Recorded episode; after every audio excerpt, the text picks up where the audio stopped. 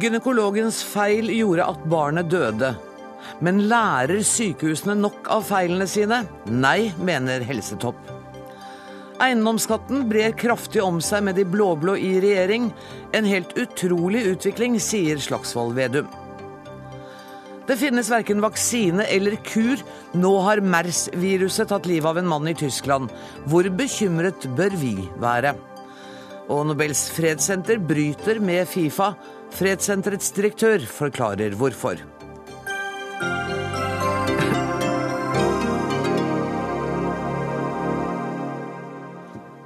Dette er tirsdagsutgaven av Dagsnytt 18, der vi også skal høre at et nytt nasjonalt ballettensemble ble lansert i går. Ballettsjef Ingrid Lorentzen forteller mer om det. Men først skal det igjen handle om pasientbehandling her i Dagsnytt 18. Siden Dagsrevyen i går har gynekolog Stian Westad fått store mengder ros i sosiale medier, bl.a. fra helseministeren, for at han sto fram og fortalte at hans feil førte til at et lite barn døde. Stian Westad, du er overlege og gynekolog ved Sykehuset Innlandet på Lillehammer. Kan du fortelle hva det var som skjedde? Ja. Eh, for å gjøre en lang historie kort. En høygravid kvinne er stor i magen og er bekymret. Eh, blir henvist til eh, vår poliklinikk. Vi gjør en bedømning av fosteret med ultralyd og finner ut at barnet er stort. Vi gjør en avtale om at hvis hun ikke har gått i spontan fødsel innen et visst tidsrom, så skal vi gjøre keisersnitt. Underveis så kommer hun tilbake, og vi gjør nye undersøkelser. Og finner ut at nei, vi tror ikke barnet er så stort. Så vi går bort fra den avtalen, og vi eh, eh, setter den i gang. Eh, det blir komplikasjoner under fødsel som fører til alvorlig hjerneskade, og barnet dør etter fire uker. Så vi holdt ikke fast på de avtalene som var gjort i utgangspunktet. Hvordan reagerte du under fødselen? Dette er enhver gynekologs største mareritt. Forferdelig opplevelse å stå i. Eh, jeg kjente foreldrene på forhånd, og ehm, vi, eller jeg var helt klar på at her hadde vi gjort feilbedømninger. Dette var vår skyld. Mm. Jeg syns det var veldig viktig at vi kommuniserte det veldig klart og tydelig med en gang, slik at en normal sorgprosess kan komme i gang og at ikke, eh, at ikke pasienten her måtte bruke tid og krefter på å få vite sannheten. Du tror at hvis dere hadde opprettholdt den opprinnelige avtalen, så ville dette barna ha levd? Ja. Sa du med en gang til foreldrene at det var deres feil? Altså din feil og de som jobbet med det? Det var vi helt åpne på med en gang. Hvordan mottok de det? Dette er et eh, langt over gjennomsnittet robust par. Eh, vi eh, fant tonen veldig raskt. Selvfølgelig, de var i sjokk og krise. Vi fulgte de veldig tett opp i tiden etterpå, og også i neste svangerskap. Og det samme teamet var med og forløste deres neste barn. Og det er det jeg finner nesten utrolig, for du som lege må jo da ha maktet å opprette en type kontakt med de foreldrene som gjør at de har tillit til deg ved neste svangerskap. Hvordan gjør du det? Jeg vet ikke. Eh, man kommer veldig langt med ærlighet. Ethvert lege-pasient-forhold det baserer seg på tillit. Og hvis du skal ha tillit, så må du være ærlig. Må pasienten vite alt?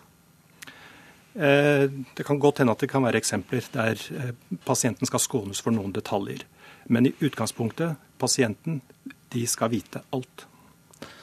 Det er helt åpenbart når du snakker om dette, at du er langt fra uberørt. Hvordan var det å gå Gikk du på jobb med en gang etterpå? Ja, eh, dette var selvfølgelig midt i en hektisk ferieavvikling. Men for meg så Dette var Det å gjøre det på denne måten det, det var den måten jeg kunne eh, på en måte holde ut i jobben på. Eh, jeg må være ærlig. Og eh, da, da, kan jeg holde ut med de utfordringene som jeg har i min jobb. Og så må det jo ha vært en utrolig opplevelse å forløse et friskt barn etterpå. Ja, det var det. Har du kontakt med foreldrene? Ja, jeg har vært i kontakt med de senest i dag. Og de syns det at jeg står fram, det er viktig for de også. For da kommer det i hvert fall noe positivt ut av en sånn tragisk hendelse.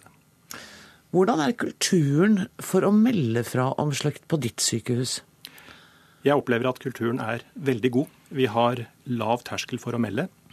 Og det er klart at den meldeordningen den går jo på en måte via administrative veier, og er jo ikke noe garanti for at pasientene får god nok informasjon. Men som en konsekvens av den feilen som ble begått, eh, hva gjorde dere på sykehuset? Vi tok en gjennomgang av de aktuelle prosedyrene. Eh, vi innskjerpa også for alle at eh, journalnotatene må leses tilbake i tid. Er det gjort avtale med pasienten, så står de ved lag uansett hvilket vaktteam som er på jobb.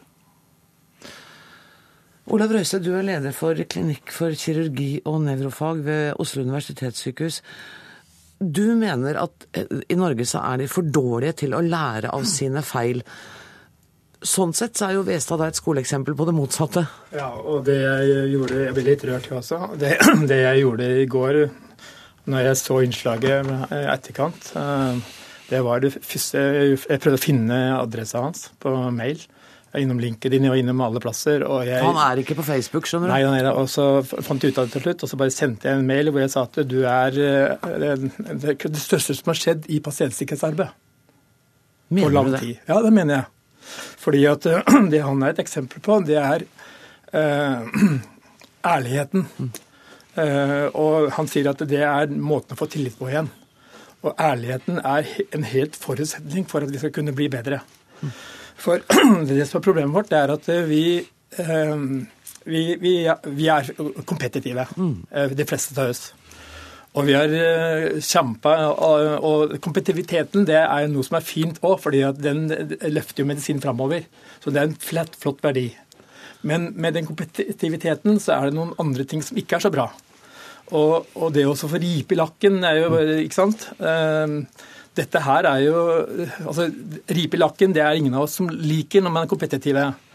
Ehm, men, men når vi behandler pasienter, så er den delen av kompetitiviteten kanskje vår største fiende. Mm. Slik at det å eh, oppleve et miljø som er helt ærlig på tingene, da er det den største og beste forutsetningen for å lære av feil. Men det er klart det er en belastning, og jeg festet meg noe ved det Westad sa. Han ville eh, være ærlig med en eneste gang, sånn at foreldrene kunne få lov å begynne sorgarbeidet. Mm. Det betyr jo at legen da faktisk må ha evnen til å sette seg inn i den mm. situasjonen pasienten er i. Mm.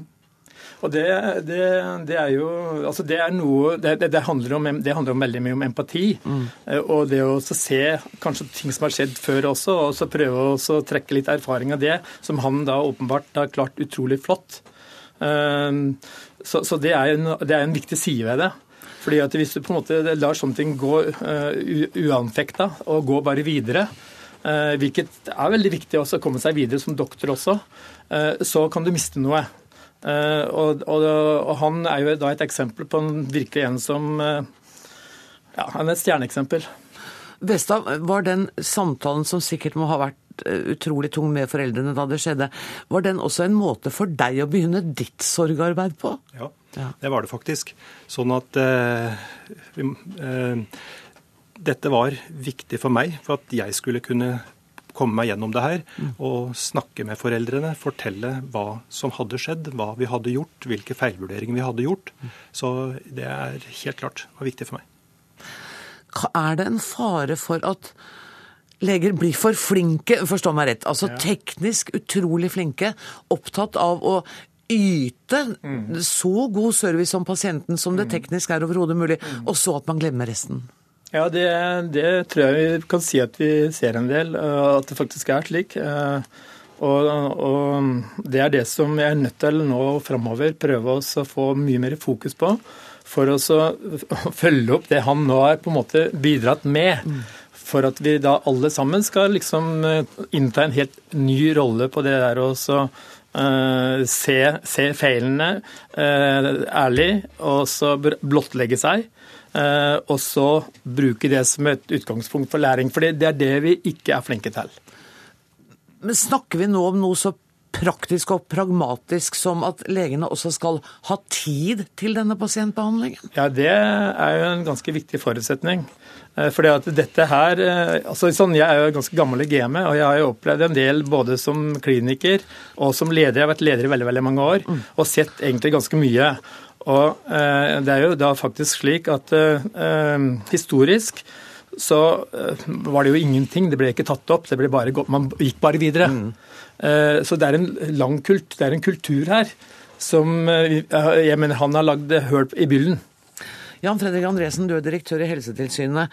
Um, han har lagd høl i, i byllen. Er dette også et eksempel på at også leger får lov å være mennesker og får lov å begå feil?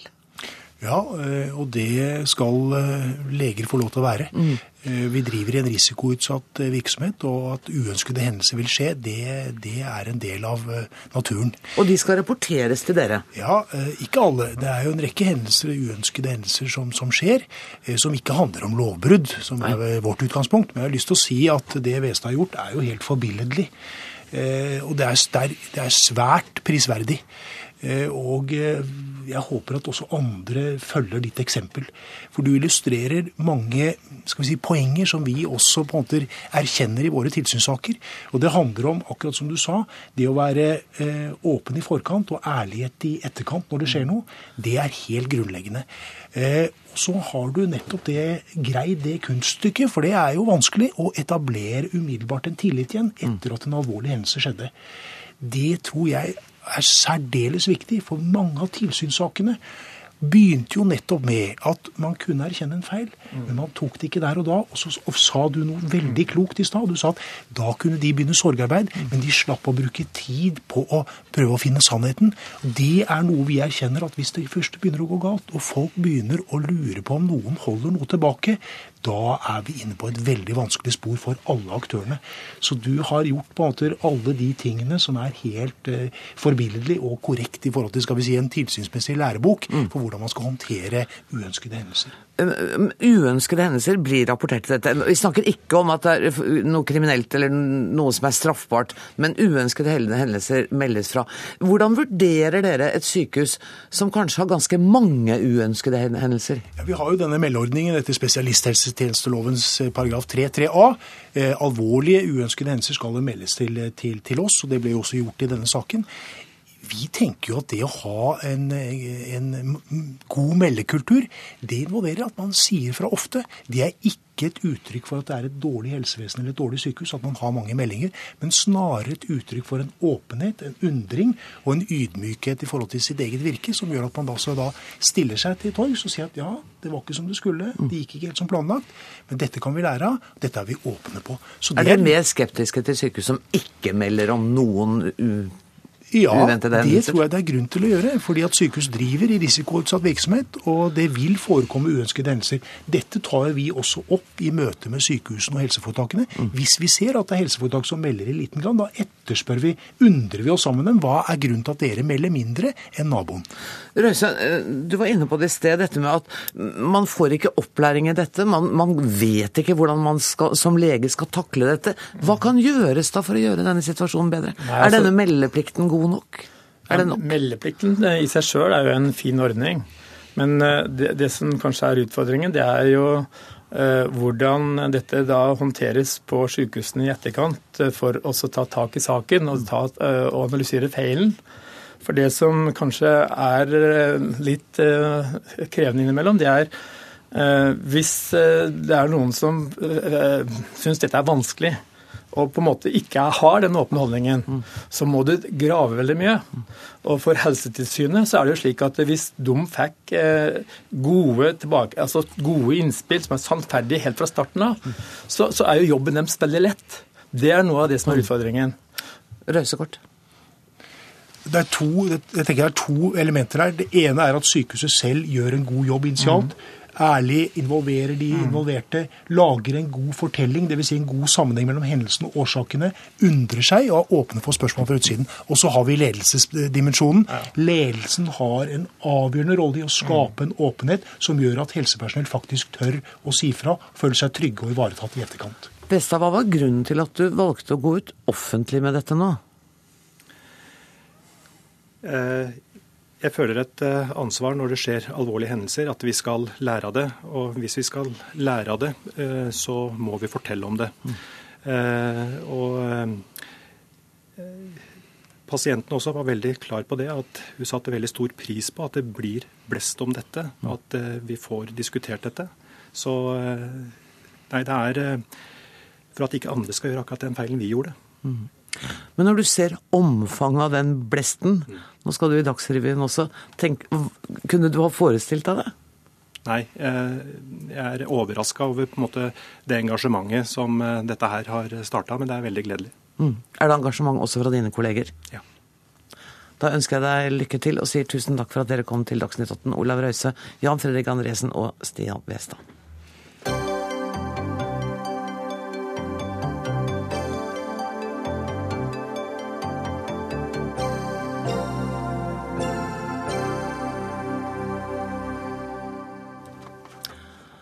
Et skikkelig taktskifte her nå, for vi skal uh, snakke om eiendomsskatt. Fremskrittspartiet programfestet at eiendomsskatten skulle fjernes. Etter to år i regjering så har altså nesten 50 nye kommuner, 48 tror jeg det er, pålagt eiendomsskatt. Nå sier regjeringen at de har ingen planer om å fjerne den, ifølge Aftenposten i dag. Gjermund Hagesæter, dette er vel ikke det dere lovte? Altså, Vi er fortsatt imot eiendomsskatt, men nå er det altså slik at det er på lokale kommunene man avgjør om man skal ha eiendomsskatt i en kommune eller ikke. Og så uh, syns jo ikke jeg den utviklinga er veldig bra, uh, men dette er jo en utvikling som starta under de rød-grønne, og som har medført at år for år er det blitt altså flere kommuner som velger å innføre eiendomsskatt. Og Det skulle altså ikke være noe grunnlag for nå, pga. at nå har kommunene fått en rekordoverføring i år. Aldri tidligere har kommunene fått overført så mye penger til velferdstjenester i kommunene som de får i år. Og Vi har allerede sagt at til neste år så skal de få enda mer. Men KS har sagt til oss i dag at det vil være en vekst på 15% i eiendomsskatt i år. Mm. Og Du ja. sier at det er ikke noe grunnlag for det, for kommunene har aldri hatt en bedre økonomi enn de har Nei, nå. og det sier jeg, og De har aldri hatt en bedre økonomi enn de har i dag. Men allikevel så er det altså mange som innfører eiendomsskatt, og det syns jeg er uheldig. Men hvis vi går bak disse tallene, så blir jeg litt beroliget av at jeg ser det at det er 50 lavere sannsynlighet for eiendomsskatt i Frp-styrte kommuner enn det er i andre kommuner. Slik at fortsatt så er det den beste eh, muligheten for å slippe eiendomsskatt, det er altså å stemme Fremskrittspartiet. Og etter større Fremskrittspartiet blir, etter mindre sannsynlighet sannsynlighet er det for at man har eiendomsskatt, og etter større sannsynlighet er det da for at eiendomsskatten blir fjerna. Unnskyld, jeg fikk litt lyst til å si fattigmannstrøst der og trøste seg sjøl.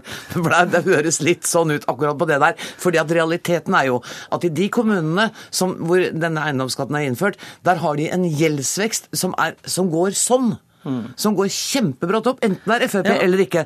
Sånn at Det er mulig du har helt rett, men, men allikevel er det en ørliten avsporing. Trygve Slagsvold Vedum. Um, i debattene som jeg så på eh, TV, så gikk du til frontalangrep på finansministeren eh, med disse tallene. Og du ble blankt avvist. La oss bare rydde opp. Var det du som tok feil?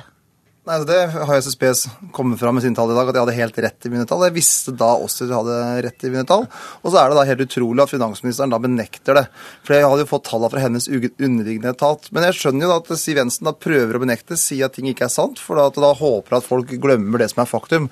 Og faktum er at vi har hatt en historisk høy økning i eiendomsskatt på bolig. For det er det store nye, at det er så mange nye kommuner som innfører det på bolig. F.eks. Bergen, som da innfører eiendomsskatt på bolig, som er styrt av Frp og Høyre. Og de gjør jo ikke det faktisk syns det er så gøy. De gjør jo det for at de ser de, at eh, kommuneopplegget fra regjeringen er for dårlig. Og hvis de da ikke innfører eiendomsskatt, så må de kutte i skole, de må kutte i omsorg og grunnleggende velferdstjenester til folk. Eller når Skodje, som er Frp-styrt, innfører eiendomsskatt, så er jo det selvfølgelig for de ser at det er ikke noen velgermagnet av eiendomsskatt, men de ser at regjeringa opplegg er for dårlig. Derfor så har vi en kjempeøkt eiendomsskatt. Og derfor så prøver Siv Jensen på direkte TV å benekte det, selv om hun burde visst, eller hun skal vite som statsråd, at det er et faktum. Men, men Slagsvold Vedum, er det ikke også riktig, er det ikke bekymringsfullt, for det sier i hvert fall KS at her, at den kraftige veksten i kommunegjeld er bekymringsfull, og det burde Senterpartiet være opptatt av? Ja, selvfølgelig er vi opptatt av det. Og derfor så er jo Hovedproblemet for kommunene nå er den store skattesvikten. Før jul så hadde man en skattesvikt på nesten 3 milliarder kroner. I år så har man en skattesvikt på mellom 1,6 til 1,9 milliarder kroner. Og så blir litt i overkant av 1 milliard av en skattesvikt på over 4 milliarder kompensert. Og da får kommunene en kjempeproblem. Eh, med drifta si. Og Derfor så har de på ene sida gjeldsvekst, og på den andre sida må de begynne å kutte i pleie og omsorg, i skole, eller så må de innføre eiendomsskatt. Og Derfor har mange kommuner innført eiendomsskatt. Og mange kommuner har høyere takster på sin eiendomsskatt. Så det er vanlige folk i vanlige hus som betaler mer skatt, mens Stein Erik Hagen og hans kompetanse betaler mindre. Og det er en helt feil prioritering av Frp. At ikke dere ser at den politikken dere fører for norske kommuner, gjør at det er vanlige folk som betaler mer skatt, og eldre som taper, når dere ikke er villige til å bla opp mer til norske kommuner. Her var det ca. 50 poenger. Jeg vet ikke hvilken av dem du vil ta, Nei, altså, Men faktum er fortsatt det at norske kommuner har aldri fått så mye så overført som, de, som de, får. Jo, men det er jo helt riktig. Det er jo det som er faktum. Vi har styrka kommuneøkonomien etter de rød-grønne gikk ut av regjeringslokalene. Og så er det også det andre faktumet, altså at det er bare halvparten så stor sannsynlighet for eiendomsskatt hvis du bor i en Frp-kommune som hvis du bor i en annen kommune. Men det er også Frp-kommuner som fortsatt har eiendomsskatt. I Bergen så overtok, eh, eh, gikk Frp inn i styringa av kommunen når man hadde eiendomsskatt. Og så fikk man også fjerne eiendomsskatten, og så måtte man da dessverre innføre litt eh, eiendomsskatt igjen på, på tampen. nå. Det siste det syns jeg er veldig uheldig. Men man må andre, hvis vi skal holde oss i Hordaland, Os kommune, veldig godt dreven, Frp-styrt kommune, ikke eiendomsskatt.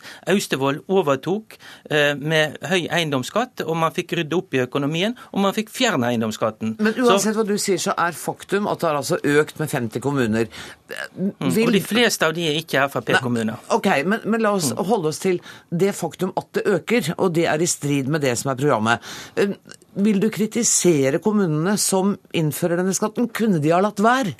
Jeg mener de kunne latt være. Eh, men nå er det altså slik at under de rød-grønne så ble det også medført en del reformer som medførte veldig mye byråkratisering for kommunene. Plan- og bygningsloven ble komplisert, og det gjorde det at man måtte bruke mer penger på eh, administrasjon og byråkrati. Mm. Nå tar vi grep for å forenkle plan- og bygningsloven, gjøre prosedyrene både med regulering og byggetillatelser mye enklere. Så da vil eiendomsskatten bli borte? Ja, så da vil i hvert fall kommunene ha mindre utgifter til byråkrati og til forvaltning, og da kan de bruke de viktige pengene på gode tjenester til innbyggerne, og da er det altså enda mindre grunn til, til å, ha eiendomsskatt. Til å ha eiendomsskatt. Men det her vet jeg med Hagesæter at den sier noe ikke er riktig. For at, det, fordi at, for at Hovedkostnadene til norske kommuner går til oppvekst og omsorg. Det er 70-80% av et kommunes budsjett går til oppvekst og omsorg. Og så går det noen få prosent til administrasjon. Kanskje noe kunne vært gjort bedre.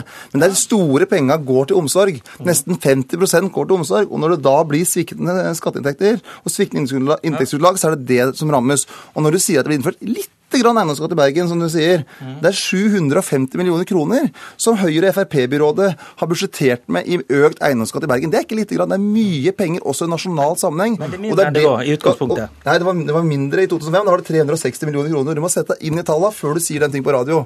Så det er blitt det er mye mer nå enn det var da dere tok det bort i 2005. Og det er fordi at Bergen har dårlig råd, og mange norske kommuner har dårlig råd, og at regjeringa sitter her i Oslo og sier alt er så bra ute, når du ser at kommune etter kommune sliter, når kommune etter kommune innfører eiendomsskatt, og mange kommuner må kutte i grunnleggende omsorg, det er veldig rart at ikke Frp er mer bekymra for vanlige folks hus og eldreomsorgen til folk.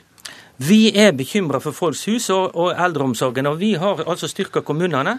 og I tillegg til det så har vi også levert 12,5 milliarder i skatte- og avgiftslette eh, de to årene regjeringen har sittet med makten. Eh, og det Største delen av de skatte- og avgiftslettelsene de er gått til vanlige folk. Og det er gått også mye til eh, for å styrke konkurransekraften for norske bedrifter, slik at norske arbeidsplasser skal bli tryggere. Og Det skal vi fortsette med å redusere skatte og avgifter. Og jeg forventer også at våre lokalpolitikere rundt omkring i landet vil jobbe for å fjerne eiendomsskatten der Men jeg har invitert dere for å snakke om eiendomsskatt, og jeg føler at dere snakker om litt andre ting. Men eh, Trygve Slagsvold Vedum, skal det ikke stilles krav til kommunene til å husholdere med pengene sine på en bedre måte? Og det virker jo som om noen av dem slumser, og så sier de ja, ja, men da må vi legge på litt eh, eiendomsskatt det er garantert noen kommuner som blir styrt dårlig. Men hovedutfordringa i fjor eh, det var jo at det var en veldig stor nedgang i norsk økonomi. og Derfor så ble det en skattesvikt i norske kommuner. Og de fikk da 2,7 milliarder kroner mindre i inntekter til kommunene enn det de hadde trodd. Og Så valgte regjeringa å ikke kompensere det. Vi i Senterpartiet ville kompensere det. Og Så ser du det igjen i år, at det er skattesvikt. Og regjeringa kompenserer noe. Og Derfor så finner de egne inntektskilder, og det er eiendomsskatt. Og det er en usosial skatteform. Og det hadde vært mye riktigere at vi hadde bevilga mer penger over statsbudsjettet til kommunene, og heller skattlagt de aller rikeste samfunnet hardere. Vet du hva, Jeg er nødt til å kaste dere ut av studiet, for vi skal snakke om lekser i skolen. Hvis dere har lyst til å lære mer, så kan dere få være her. Men ellers så sier jeg tusen takk i denne omgang til Gjermund Hagesæter og Trygve Slagsvold Vedum.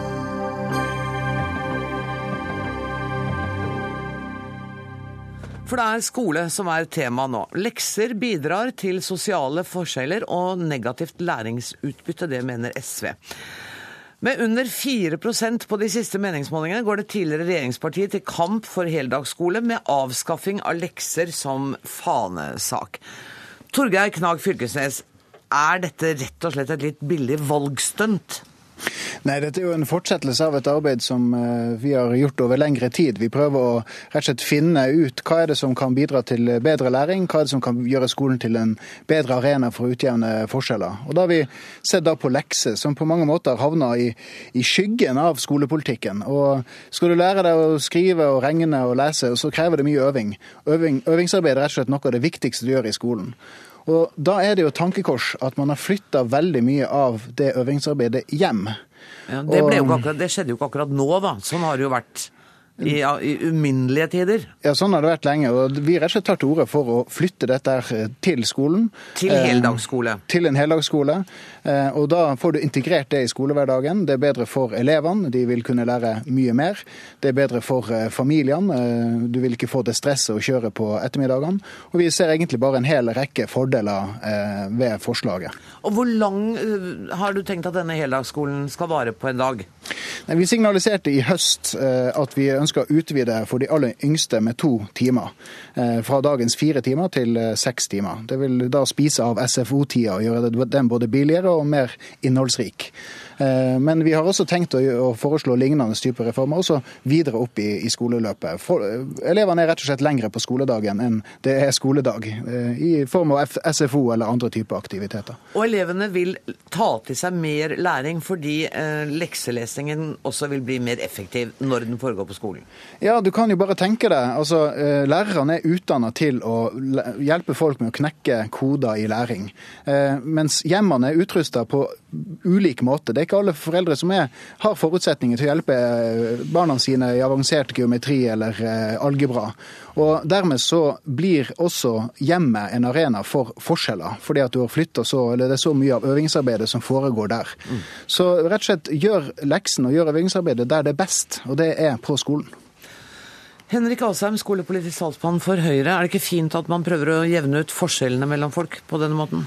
Jo, men SVs oppskrift på den er ganske dårlig. Altså, jeg er veldig uenig med det med å fjerne leksene. For det første er det slik at det står jo ikke noen lov i Norge at man skal gi lekser i skolen. Det er noe som lærerne og skolene bestemmer helt selv.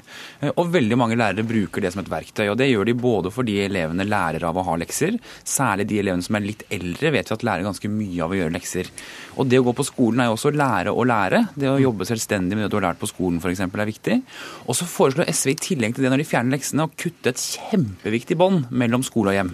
Det at foreldre også vet hvor barna skal være i pensum, eh, og at de kan hjelpe barna sine med lekser. Hva sier du, Knag Fylkesnes?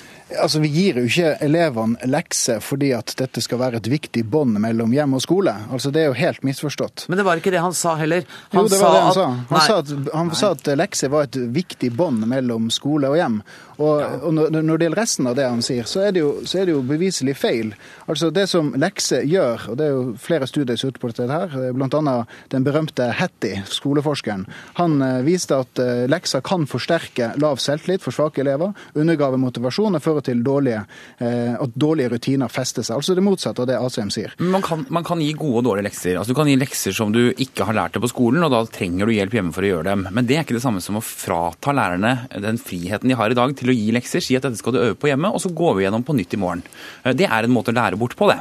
Eh, som SV nå ønsker å fjerne. Og så er det også sånn at når man da snakker om sosiale forskjeller altså SV har da en logikk som er noen barn får hjelp hjemme. Det må vi slutte med. Vi må frata de foreldrene anledningen til det, istedenfor å kompensere for de som ikke får den hjelpen. Og Derfor har vi f.eks. leksehjelpsordningen, som vi har fjernet øremerkingen på. Før, under de rød-grønne, var det kun lov i første til fjerde klasse. Nå kan du gi det når som helst i skoleløpet, der hvor barna trenger det mest. Jeg syns det er litt merkelig å være så lite nysgjerrig på et uh, nytt forslag som uh, Høyre. Bare nedsable dette forslaget. Her, her gjøres det flere undersøkelser eh, og forsøk på dette i dag. Altså, ta f.eks. Arnestad skole i Asker, som er jo i nærheten av der du kommer fra. Mm -hmm. der har har eh, Solberg eh, der har de skrella ned hjemmeoppgavene til et minimum. Og Der er, der er erfaringa at de har fått mer motiverte lærere, mer, mer motiverte elever, bedre lesere, mer fritid, bedre oppfølging. Det bør i hvert fall legge en liten spore også i en, en, en Høyre-mann eh, til å være litt nysgjerrig på kanskje skal vi redusere mengde lekser eh, i eh, hjemmelekser i skolen og flytte det over på skolen. Altså, vi, får ti sekunder, vi har en gjest til, skjønner du, ja. Fylkesnes. Ja, fordi det som er forskjellen på deg, Jeg har ikke noe imot disse forsøkene, men det du foreslår er å frata lærerne muligheten til lekser der hvor de ønsker det. Det står, Jeg ikke pålagt å gi lekser noe sted, men den frihet skolene har. Du ønsker å fjerne den. Jeg sier at hvis lærerne vil det, så skal de få lov til det. Ja, det er ikke stor frihet. Elisabeth Strengen Gundersen, du er leder for Foreldreutvalget for grunnopplæring. Du representerer foreldrene i denne saken her. Hva syns du om forslaget fra SV? Eh, jeg syns det er delvis enig. Eh, vi er enige når det gjelder synet på lekser, og hvordan de skaper skiller mellom eh, barn på skolen. Vi er ikke enig i Foreldreutvalget for grunnopplæringa i synet på heldagsskole. Vi tror ikke det er løsningen. Men husk på det at lekser i sin tid var et veldig greit virkemiddel for å holde læringa oppe når barna var på skolen annenhver dag. Nå er de på skolen hver dag og får nytt påfyll hver eneste dag av lærere. Men det er en stund siden unga var på skolen annenhver dag. Altså, jeg er godt voksen, og jeg har aldri gått på skolen annenhver dag. Og vi hadde lekser da òg. Vi hadde lekser. Jeg gikk ja. på skolen annenhver dag og hadde ja, lekser på den dagen som var imellom. Men det som er poenget, er at det som skjer i dag, når man har mye lekser og man ikke klarer Vi har i alle år sagt ja til lekser. Det skal være av begrensa mengde, og det skal være repetisjon av kjent stoff. Det vi ser, er at skolen tar ikke det til seg. Lærere virker til en viss grad å ha en bevisstløs holdning til hvordan lekser kan være. Så det er der problemet legger, mer enn å fjerne leksene. For jeg stussa litt over det du sa, at dere gjerne vil fjerne leksene, men ikke ha heldagsskole. Så dere vil liksom bare at ungene skal ha mindre tid til læring? Nei, absolutt ikke. Eh, jeg kan se på hvordan det fungerer i barnehagen. Der har man en kjernetid. I kjernetiden så får man undervisning, og den er god. I, tillegg så har man et godt tilsyn hele tiden ellers, og det er ikke krav om at alle er til stede. Det som er Problemet vårt med heldagsskolen, man sprer undervisninga over en hel dag, er at de foreldrene som ønsker å bruke tid sammen med sine barn, ikke får den muligheten. Du må være på skolen fra det starter til det er slutt, uten at man eh, spisser tingene. Foreldre som ønsker å engasjere seg i barnas læring, og det skal de få lov til å gjøre selv om det ikke er lekser, mister mye av den muligheten hvis barna må være på skolen hele tiden. Vi har også hele tiden sagt vi vil ikke ha noe forbud mot lekser. Det skal være lov å jobbe hjemme for den som vil. Noen sammenligner med de som sitter hjemme og øver timevis på instrumenter. Problemet er, eller kanskje det som er fordelen med det, at det er frivillig. Mm. Og Når du gjør noe frivillig, så er det en glede ved det som absolutt ikke er til stede når du blir pålagt å gjøre ting om og om, og om igjen, og du ikke ser poenget ved det. Torgeir Knag Fylkesnes, litt frivillig lekselesing hjemme, det er dere ikke mot? Nei, nei. altså Folk skal få lov til å øve så mye de vil, når de vil, med hvem de vil. Det er denne tunge øvingsarbeidet som, eh, der skolen er, aller, er den aller beste arenaen for å gjøre. Det er den delen vi ønsker å ha på skolen. Og Tenk deg for noen muligheter det, skal, det vil være. Det vil ikke bety eh, Antall hyllemeter eh, i hjemmene vil ikke bety så mye for eh, hvordan det går med barna. Og så vil alle barn få et mye bedre tilbud eh, på øving. Og jeg tror dette vil i sum kunne føre til en mye bedre skole. Men det er her dere gjør en enorm feil. fordi de barna som i dag kommer hjem til foreldre som eh, henger på dem, sier du får ikke lov å gå ut og leke for å har gjort leksene, de kommer ikke til å slutte å henge på barna sine selv om du gjør leksene frivillig jeg tror faktisk forskjellene kommer til å bli større av dette her. fordi Foreldrene kommer til å fortsette å pushe på. Mens de som kommer hjem til en tomt hus fordi mor og far jobber skift f.eks., de kommer jo ikke til å ha det øvingsarbeidet hjemme. og Dermed så blir forskjellene enda større. Og Da må vi sørge for å ha et system som hjelper alle, istedenfor å nekte foreldre som er engasjert i barna sine, å være engasjert i barna sine. Tusen takk for at dere deltok i debatten, Torgeir Knag Fylkesnes, Henrik Asheim og Elisabeth Strenger Gundersen.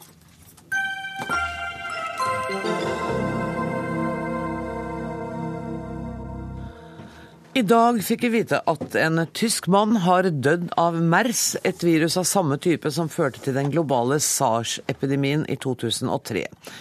I Sør-Korea har dette viruset tatt livet av 19 mennesker siden landets første MERS-diagnose kom i mai i år. Og det finnes verken vaksine eller kur. Guri Nordstrøm, NRKs korrespondent i Berlin.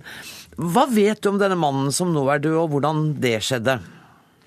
Han var 65 eh, år gammel og døde på et sykehus i Osterkappel, som ligger i Niedersachsen nordvest her i Tyskland. Han døde allerede 6.6, faktisk, men det er først i dag det har blitt kjent at dette hadde sammenheng med viruset. Han var på ferie i Abu Dhabi i De forente arabiske emirater i februar. Og det spekuleres nå i om han kan ha fått viruset etter å ha besøkt et dyremarked med dromedarer. Han ble lagt inn på sykehus her i Tyskland i mai med en lungesykdom, som han da altså skal ha fått fordi han hadde dette viruset. Hva gjør helsemyndighetene nå for å forhindre at det skal spre seg? Først og fremst så ble mannen eh, lagt og behandlet på isolat i begynnelsen. Og så trodde man at han var på bedringens vei og flyttet ham ut av isolatet, hvor han da deretter døde. Men nå er 200 mennesker som har hatt med mannen å gjøre, blitt testet. Alle har imidlertid testet negativt for viruset, så det er ikke kjent at han skal ha smittet eh, noen. Og tyske myndigheter sier også at det ikke er noen særlig stor fare for å bli smittet her i landet.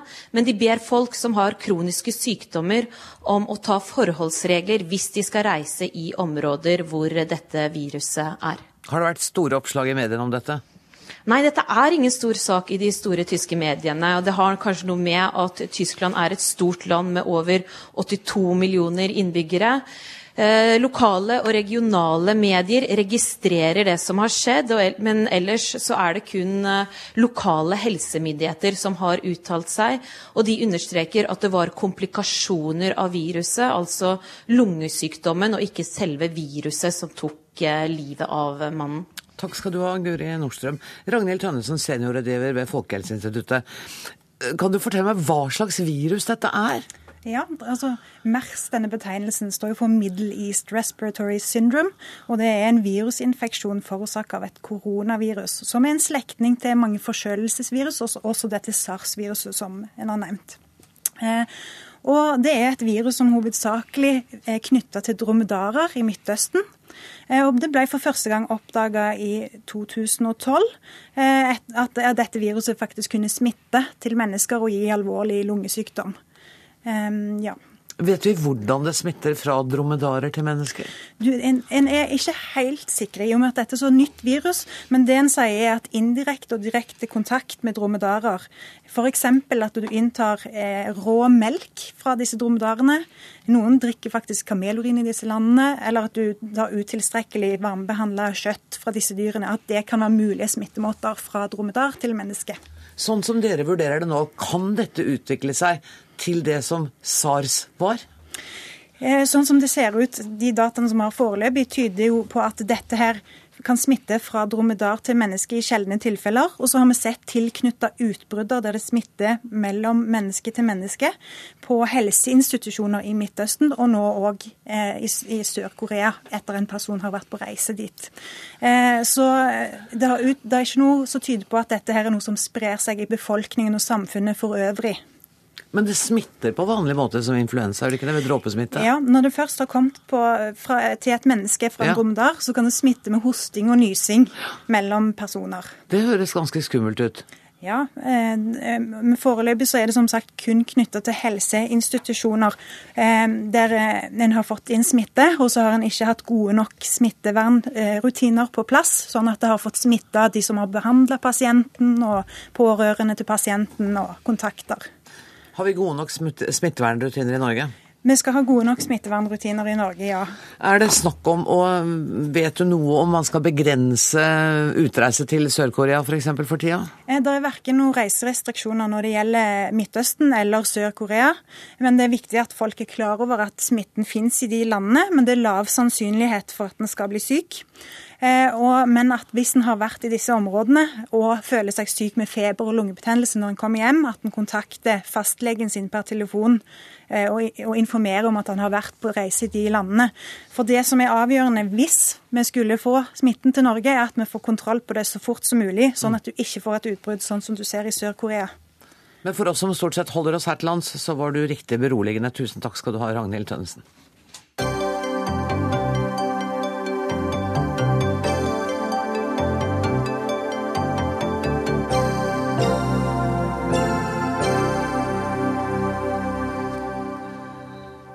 Klagekoret mot Kringkastingsrådet har fått en ny stemme. I en kronikk i dag skriver generalsekretæren i Norsk redaktørforening at Kringkastingsrådet er en levning fra fortiden, og at Høyre bør dra fram sitt gamle forslag fra 1992 og legge ned hele greia. Arne Jensen, Hvorfor er du så opprørt over Kringkastingsrådet? Nei, ikke så veldig opprørt. Å. Jeg ville gjerne at du skulle være være men jeg det. har en prins- Ja, OK, jeg kan være det hvis du vil. Så kan jeg være litt mer opprørt enn jeg kanskje er nå. Men mitt eh, anliggende er prinsipielt, eh, og det har praktiske, noen praktiske konsekvenser. Det prinsipielle er at i 2015 så syns jeg ikke vi skal holde oss med systemer hvor politikere sitter og oppnevner eh, råd som skal evaluere journalistisk virksomhet, selv om den journalistiske virksomheten er statlig eller offentlig finansiert, kan man si. Det burde vi eh, slutte med. Hvis NRKs styre hadde gjennomført diskusjoner i nærheten av det som eh, Kringkastingsrådet driver med, så ville det vært eklatante brudd på både redaktørplakaten og lov om redaksjonell fridom eh, i media. Veldig konkret nå, for jeg fulgte deg ikke helt. Jo, men Hvis man går ned og, dis og diskuterer Enkelt. enkeltprogrammer og enkeltsaker og, og, og journalistikken i NRK så Hvis styret i NRK hadde drevet med sånt, så ville det vært et brudd på, på, på redaktørplakaten og på lov om redaksjonell fridom i media, som sier at det er redaktøren som skal drive med dette innenfor de store rammene som eierne eh, trekker opp. Eh, Og Så har politikerne funnet ut at man skal ha et råd eh, som vel å merke eh, ifølge loven skal uttale seg om hovedlinjene for programvirksomheten. Det er det som er Kringkastingsrådets hovedformål. Det gjorde man også eh, en, i perioder. Hvis man blar i referatene for 12-15 år tilbake, som jeg har gjort, eh, så var, de, så var det litt mer sånn samlende saker. Man diskuterte utenriksdekningen, eh, valgdekningen, ungdomssatsingen. eh, Og så bladde man seg gjennom noen klagebrev i løpet av et kvarters tid, eh, litt ute i møtet. Eh, Og så har dette endret seg. Nå er det enkeltklagesaker mot enkeltprogrammer og enkeltprogramledere og medarbeidere som er i fokus. Og man sitter og diskuterer Fredrik Skavlans eh, kroppsspråk og, og, eh, og hans språk for øvrig.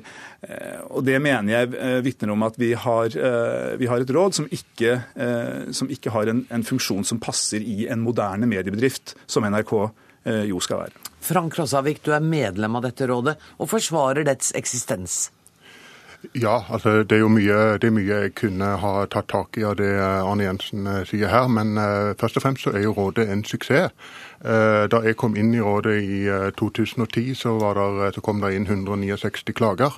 Eh, nå er vi på 6500 allerede før vi har gått halve, halve 2015. Eh, Da jeg kom inn i rådet i 2010, så var det nesten ingen pressedekning. Nå er det en, en kraftig mediedekning på hvert enkelt møte. Det tyder jo på at, eh, at lisensbetalerne finner oss, eh, finner oss nyttige, og at, eh, og at mediene prøver å dekke oss. Så er noe av problemet at eh, mediedekningen kun dreier seg om eh, nettopp de sakene som eh, Arne Jensen ikke liker, nemlig eh, enkeltsaker, eh, klager på enkeltprogrammer, som vi også diskuterer. Vi diskuterer en hel rekke av de temaene som han nevnte rådet angivelig diskuterte tidligere. Eh, utenriksdekning, Dagsrevyens profil, hørbarhet, ungdomsprofil, valgdekning osv. osv. Problemet er at eh, dette er diskusjoner som eh, Arne Jensens medlemsbedrifter ikke dekker. og Derfor så får folk som ikke er til stede i Kringkastingsrådet, et inntrykk av at vi, at vi diskuterer helt andre ting. Vi diskuterte et nærliggende tema. Vi diskuterte nemlig denne saken med Fredrik Skavlan med Kokkvold her i studio. Og da skrøt han jo nettopp av at rådet hadde brukt to timer og tre kvarter på Skavlan-saken. Fordi at det var en grundig behandling. Sånn at, at dere rakk så Ja, veldig mye altså, mer på det møtet, altså, er veldig tvilsomt. Men, eh, men Skavlan-saken fikk 3600 klager, og til dels veldig varierte. Ikke, ikke en del av en kampanje. Eh, Det intervjuet opprørte svært mange lisensbetalere, som mente at Fredrik Skavlan oppførte seg ubehøvla mot Jimmy Åkesson. Det skulle bare mangle at rådet, som er eh, lisensbetalernes eh, representanter, og ikke norsk medias representanter, eh, ikke skulle ta den diskusjonen alvorlig. og og drøfte i rådet hva, hva, hva som var rett og galt av kritikken. Og Så er det grunn til å legge, legge til at, eh, at eh, rådet vedtok jo ingen skarp kritikk. Det var ja, bare noen få, noen få i rådet som, gjorde, som stemte for det. Ja, Så det endte i ingenting. Men, men det, skulle jo, det skulle jo tatt seg ut eh, eh, hvis man da i Bergens Tidende skulle ha et råd hvor Frank Rossavik, normalt hjemmehørende, skulle ha et råd eh, oppnevnt av Bergen bystyre eh, og, og byrådet i Bergen, som skulle sitte og evaluere Bergens Tidende eh, sine artikler. Vi skjønner at sånn kan vi ikke ha det. Eh, å, ha et statlig oppnevnte råd, politisk oppnevnte råd, hvor politikere sitter og evaluerer journalistikk eh, i, et, i, et, i, et, i et fritt demokrati, det mener jeg eh, det faller på sin egen urimelighet. Og så har rådet selv nå bidratt til å gjøre dette eh, til det Frank Rossavik betrakter som en suksess, eh, og det jeg har kalt for et tribunal, hvor enkeltmedarbeidere i NRK må stå til rette for politisk oppnevnte representanter. Så er det ett poeng eh, som, jeg, som jeg aner i argumentasjonen din, Frank, og som jeg er for så vidt enig i. og det er at NRK kan ikke eh, som den institusjonen de er, finansiert på den måten de er, og med den posisjonen de har, si at vi bryr oss ikke om hva publikum mener. Det er jeg helt enig i. Da må man finne måter å håndtere det på som er annerledes enn at man sitter og venter på at Stortinget skal oppnevne noen politikere som skal vurdere det. Ja, for Er ikke det en av fordelene med Kringkastingsrådet? At hvem som helst kan klage dit? Og det jo. kan ikke hvem som helst til Pressens faglige utvalg? Jo, hvem som helst kan klage til Pressens faglige utvalg. Det kan, det, det kan man gjøre. Men hvis det berører enkeltpersoner, så må så man ha et samtykke til det. Nettopp. Og det, vil, og det er en begrensning. Ikke ja, lat som det ikke er det. Nei, og det er en meget fornuftig begrensning fordi det kan tenkes at de som det gjelder, ikke ønsker å ha noen klagebehandling verken i Kringkastingsrådet eller PFU. Men det gir Kringkastingsrådet stort sett blaffen i. Det kan man i hvert fall gjøre. Eh, mens i PFU gjør man ikke det. Det var en mening med nedleggelsen av Klagenemnda for kringkastingssaker i 1999, og det var at man skulle innlemme klagesaker mot NRK i Pressens faglige utvalg, i det alminnelige presseetiske systemet, mm. for å markere at NRK var en journalistisk bedrift og ikke en forlenget arm for eh, de statlige myndigheter.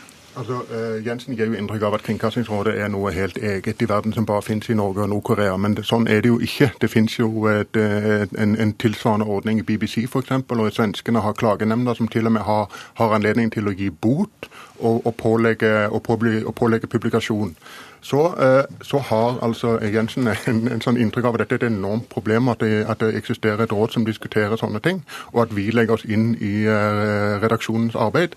Det er jo med respekt å melde bare tøv. Rådet er et råd. Det er ingenting av det vi gjør som pålegger NRK noe som helst. I den grad uh, vi på vegne av lyttere og seere mener at noen av klagene er berettiget, så, eh, så, er det noe NRK tar hensyn til hvis det vi sier er fornuftig.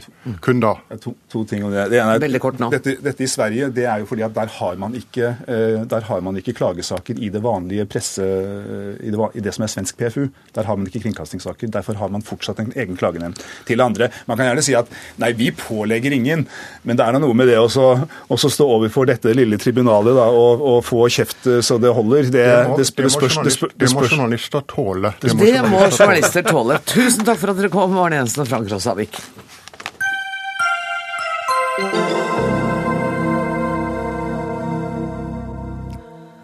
Fifas støttespillere blir færre og færre. Samarbeidspartnere fra, fra Interpol til store sponsorer som Coca-Cola og Visa har sagt takk for seg. Og nå har også Nobels fredssenter meldt seg ut av et samarbeid med Fifa. Bente Eriksen, direktør ved Nobels fredssenter. Dere har altså trukket dere fra det som heter Handshake for peace. Kan du forklare hva som har skjedd? Nei, det er faktisk ikke riktig at vi har trukket oss fra hand, Handshake for Peace. Okay. Vi har trukket oss fra samarbeidet med Fifa. FIFA for vi syns nemlig at Handshake for Peace er et godt prosjekt. Helt fra starten har vi, starten har vi syntes det, fordi det er helt i tråd med Alfred Nobels idealer om forbrødring mellom nasjonene. Og Da syns vi det var i tråd med våre idealer, og vil gjerne gå inn i dette samarbeidet.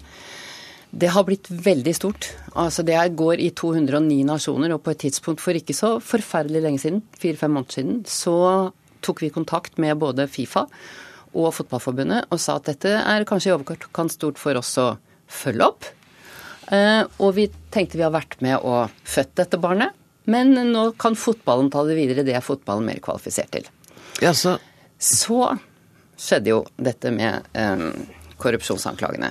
Og da vi hadde vårt styremøte i går i Nobels fredssenter, så ble styret enige om at vi skulle kutte eller Jeg skal lese høyt. Gjør det. Ja. Styret ber administrasjonen avslutte samarbeidet med Fifa så snart forholdene ligger til rette for det. Styret ber også om at administrasjonen går i dialog med Norges Fotballforbund med sikte på å kunne videreføre Handshake for Peace på en god måte. Og Det betyr at vi ønsker at Fifa skal videreføre Handshake for Peace, og også Fotballforbundet, og at vi skal gå i en dialog med dem. Men at altså, dere skal ikke Jeg skjønner det enda ikke. Dere avslutter samarbeidet med Fifa. Ja. Fifa fortsetter sitt handshake arbeid med Handshake for Peace. Det trenger de jo. Og det gjør dere også? Nei. Dere går ut av Handshake? Vi går ut av samarbeidet, men vi sier at Handshake for Peace er et godt tiltak. Hvorfor er han så rasende, Sepp Blatter, ifølge internasjonal presse i dag? Ja, men du, du kan litt om pressen. Eh, da jeg snakket med han på morgenen i dag, for det gjorde jeg faktisk, så var han ikke rasende. Vi hadde en helt sivilisert samtale hvor han faktisk var oppriktig lei seg fordi han trodde på det som sto i internasjonale medier, nemlig at vi hadde torpedert Handshake for peace. Men det har vi ikke. Og det fikk jeg forklart ham at vi ønsket dem lykke til videre med Handshake for peace. Og det, så vidt jeg har lest nå, så går det videre både i Canada, det kommer til å gå videre i New Zealand, og de kommer til å fortsette med det. Ja, Det er jo kjempestort. så Hvordan kunne Norge, hvordan kunne han tro at lille Norge kunne torpedere det? Fordi vi eier halvparten av det varemerket. Skal vi fortsette å gjøre det? Eh, nei, vi skal overføre det til dem, da. Tenker vi. Hvor komplisert har dette vært? Eh, hvis du spør meg om hvordan det siste døgnet har vært? Ja, det er litt, litt slitsomt. Det er litt, det jeg spør om. litt slitsomt. Ja, for det er vanskelig å få dette uh, forklart. Uh, det... Og det verserer så mange versjoner. Ja. Slik at den helt korrekte versjonen er som sagt at vi terminerer samarbeidet med Fifa, mm. men vi håper at Handshake for peace fortsetter. Hva vil dere bruke krefter Dere har jo investert ganske mye krefter og ressurser i Handshake for Peace. Hva er det nye prosjektet dere skal gå inn i nå? da? vi skal jo bruke krefter på det vi egentlig skal, da. Nemlig å drive Nobels fredssenter på Vestbanen. Og det er egentlig stort nok for en liten organisasjon, og det gjør vi jo stort sett med ja, Det har jo vært ålreit. Det har mer enn ålreit, vil mange si. Ja, ja det, vi har lykkes med det, og jeg tror det er riktig også å bruke kreftene på å utvikle Nobels fredssenter videre. Og du mener at det er riktig av dere å gå ut av Handshake for peace, men var det riktig av dere å gå inn i det utgangspunktet? Ja, det syns jeg faktisk. Altså både fordi det er i samsvar med de idealene vi har, og som Alfred Nobel skrev om i sitt testamente. Eh, men vi hadde tro på at altså, fotballspillere er jo rollemodeller for unge mennesker. Og når fotballspillere kan ta hverandre i hånden etter en match på tvers av landegrenser, på tvers av mm, etnisitet, ja, så er det et symbol på respekt og på likeverd. Mm. Og dette hadde vi veldig sans for. Og så kom korrupsjonsskandalen og ødela det. Og det er ikke til å legge skjul på at vi visste jo at det var korrupsjonsmistanke, men vi tenkte dette kan vi kanskje være med på å bringe til det bedre. Og så kom anklagene, og så sier vi vi går ut av det. For dette kan ikke dere være med. Og det... dere kan ikke forandre kulturen i Fifa. Nei, det kan vi nok ikke. Og da får vi et omdømmeproblem, og det mente styret var viktig at vi tok på alvor. Jeg er så takknemlig for at du kom og ryddet opp i dette for meg. Tusen takk skal du ha, Bente Eriksen. Bare hyggelig.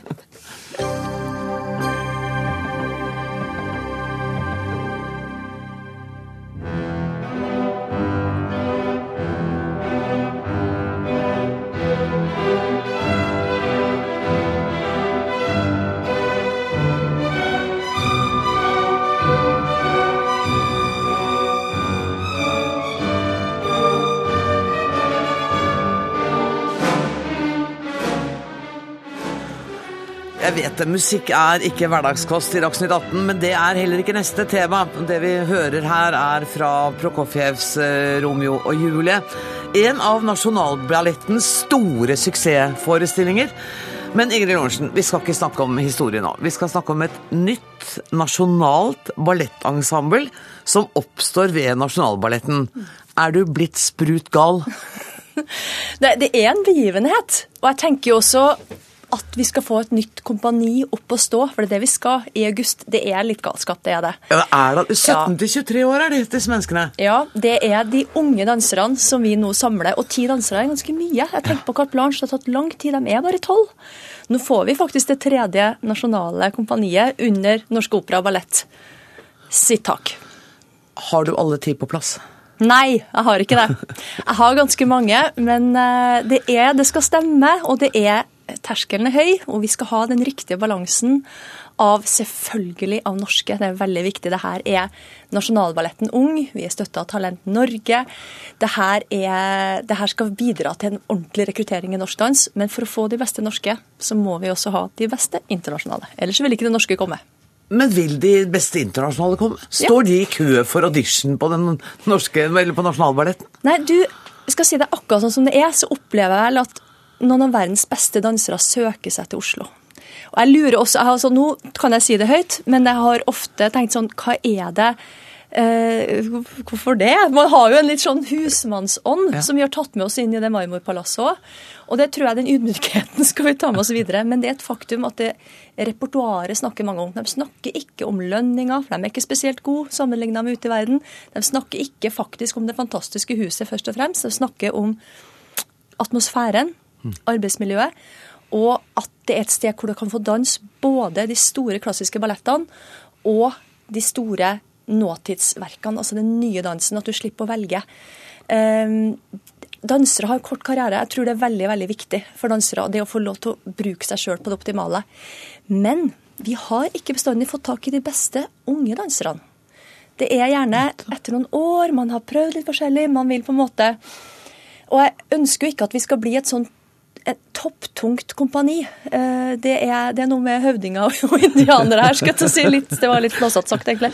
Men det er òg virkelig et tiltak for de unge, for å få morgendagens nasjonalballett. og samle noen av de fremste danserne i operaen, det er en skikkelig ambisjon for meg, og en stor drøm. Men, men dere driver jo rekrutteringsarbeid på alle andre nivåer også.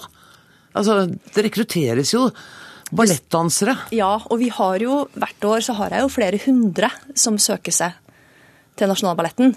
Har du flere hundre? Ja, jeg har det. Det er jo ikke alle som får komme, men ganske mange får komme. Men vi har jo ganske mye utstilling.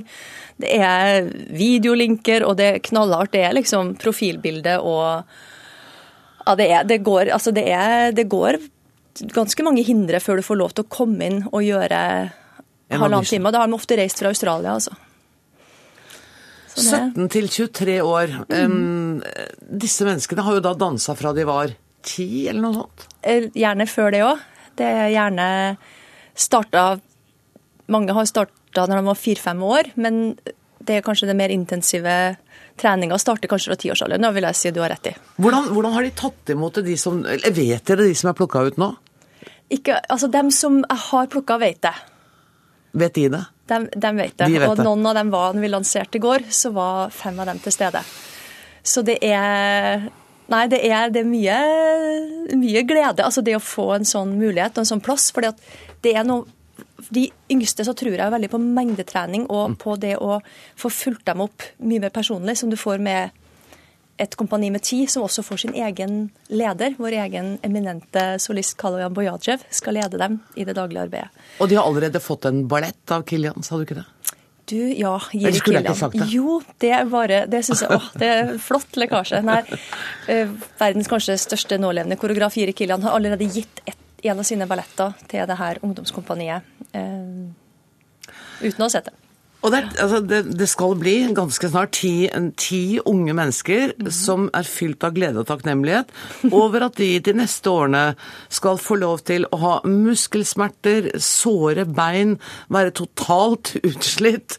Hva annet kan du si om lidelsene? Det er, det er jo helt forferdelig, egentlig. Snakka med Finn Skårderud i dag om fremtidens lidelser. Og jeg Ja. tror ikke det er ikke det vi reflekterer over akkurat nå, altså. Nei, du vet, altså for dem som det her er riktig for, så er det ingenting som er bedre.